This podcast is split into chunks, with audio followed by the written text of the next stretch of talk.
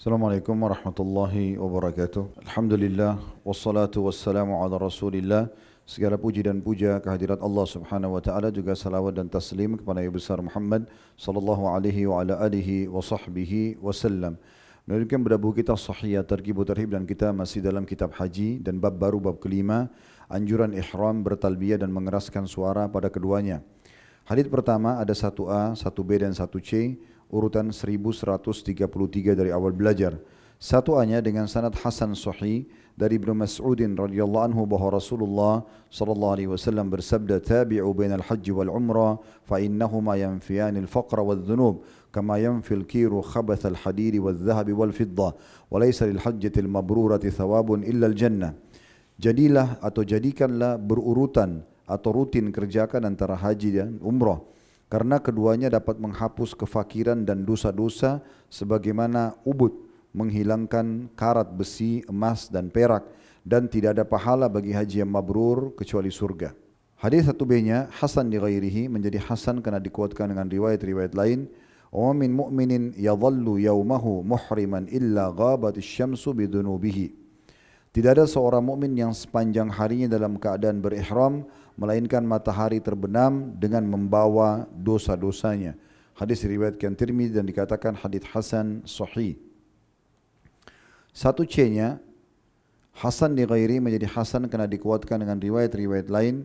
Razin menambahkan padanya, "Wa min mu'minin yulabbi lillahi bil hajj illa shahida lahu ma baina yaminihi wa shimalihi ila munqati'il ard." Dan tiada seorang mukmin yang bertalbiyah karena Allah untuk berhaji melainkan ia disaksikan oleh apa saja yang ada di bagian kanan dan kirinya hingga ujung tepi bumi. Tambahan ini eh, kata Syekh Albani saya tidak temukan dalam naskah Sunan At-Tirmidzi ataupun Sunan An-Nasa'i. Nomor duanya karena mirip saya bacakan sekaligus dengan sanad sahih urutan 1134 dari awal belajar berbunyi dari Sahal bin Sa'ad radhiyallahu anhu dari Rasulullah sallallahu alaihi wasallam beliau bersabda ma min mulabbin yulabbi illa labba ma an yaminihi wa shimalihi min hajarin aw shajarin aw madar hatta tanqati al-ardu min ha huna wa ha huna yaminihi wa shimalihi Tiada seorang pun yang bertalbiah melainkan segala sesuatu yang ada di sebelah kanan dan kirinya ikut bertalbiah baik batu, pohon ataupun tanah hingga tepi bumi di sana dan di sini dari sebelah kanan dan sebelah kirinya diriwayatkan oleh Tirmidzi, Ibnu Majah dan juga Al-Baihaqi dan semua sumbernya berasal dari Ismail bin Ayyash dari Umara bin Gaziyah dari Abu Hazm dari Sahal. Diriwayatkan pula oleh Ibnu Huzaimah dalam sahihnya dari Abidah yaitu Ibnu Humaid. Umara eh, bin bin Gaziyah telah menceritakan kepada kami dari Abu Hazim dari Sahal. Diriwayatkan pula oleh Al-Hakim dan ia mengatakan sahih berdasarkan syarat Bukhari dan juga Muslim. Riwayat-riwayat yang baru kita bacakan kurang lebih ada empat riwayat dengan dua urutan hadis.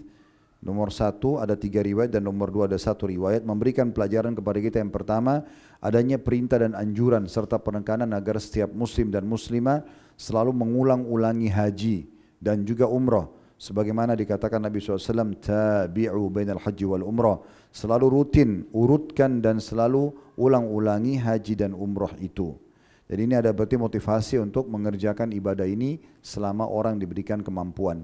Dan saya selalu akan sel mengulangi teman-teman sekalian bagi yang belum punya mampu finansial, fisik, waktu dan seterusnya, tetap kembali kepada hadis Nabi SAW, Inna malamalu bin niat. Semua sesuai dengan kadar niatnya. Diniatkan. Bila Allah berikan kesempatan, Allah berikan harta, maka saya akan lakukan. Kalau dia jujur dengan niatnya, maka Allah akan memberikan pahalanya. Yang kedua, adanya keutamaan haji dan umrah di mana keduanya akan menghilangkan dua hal mendasar yaitu menghilangkan dosa-dosa dan juga menghilangkan kemiskinan atau akan mendatangkan kekayaan. Dan ini dua hal yang paling berbahaya bagi manusia itu dalam hidupnya.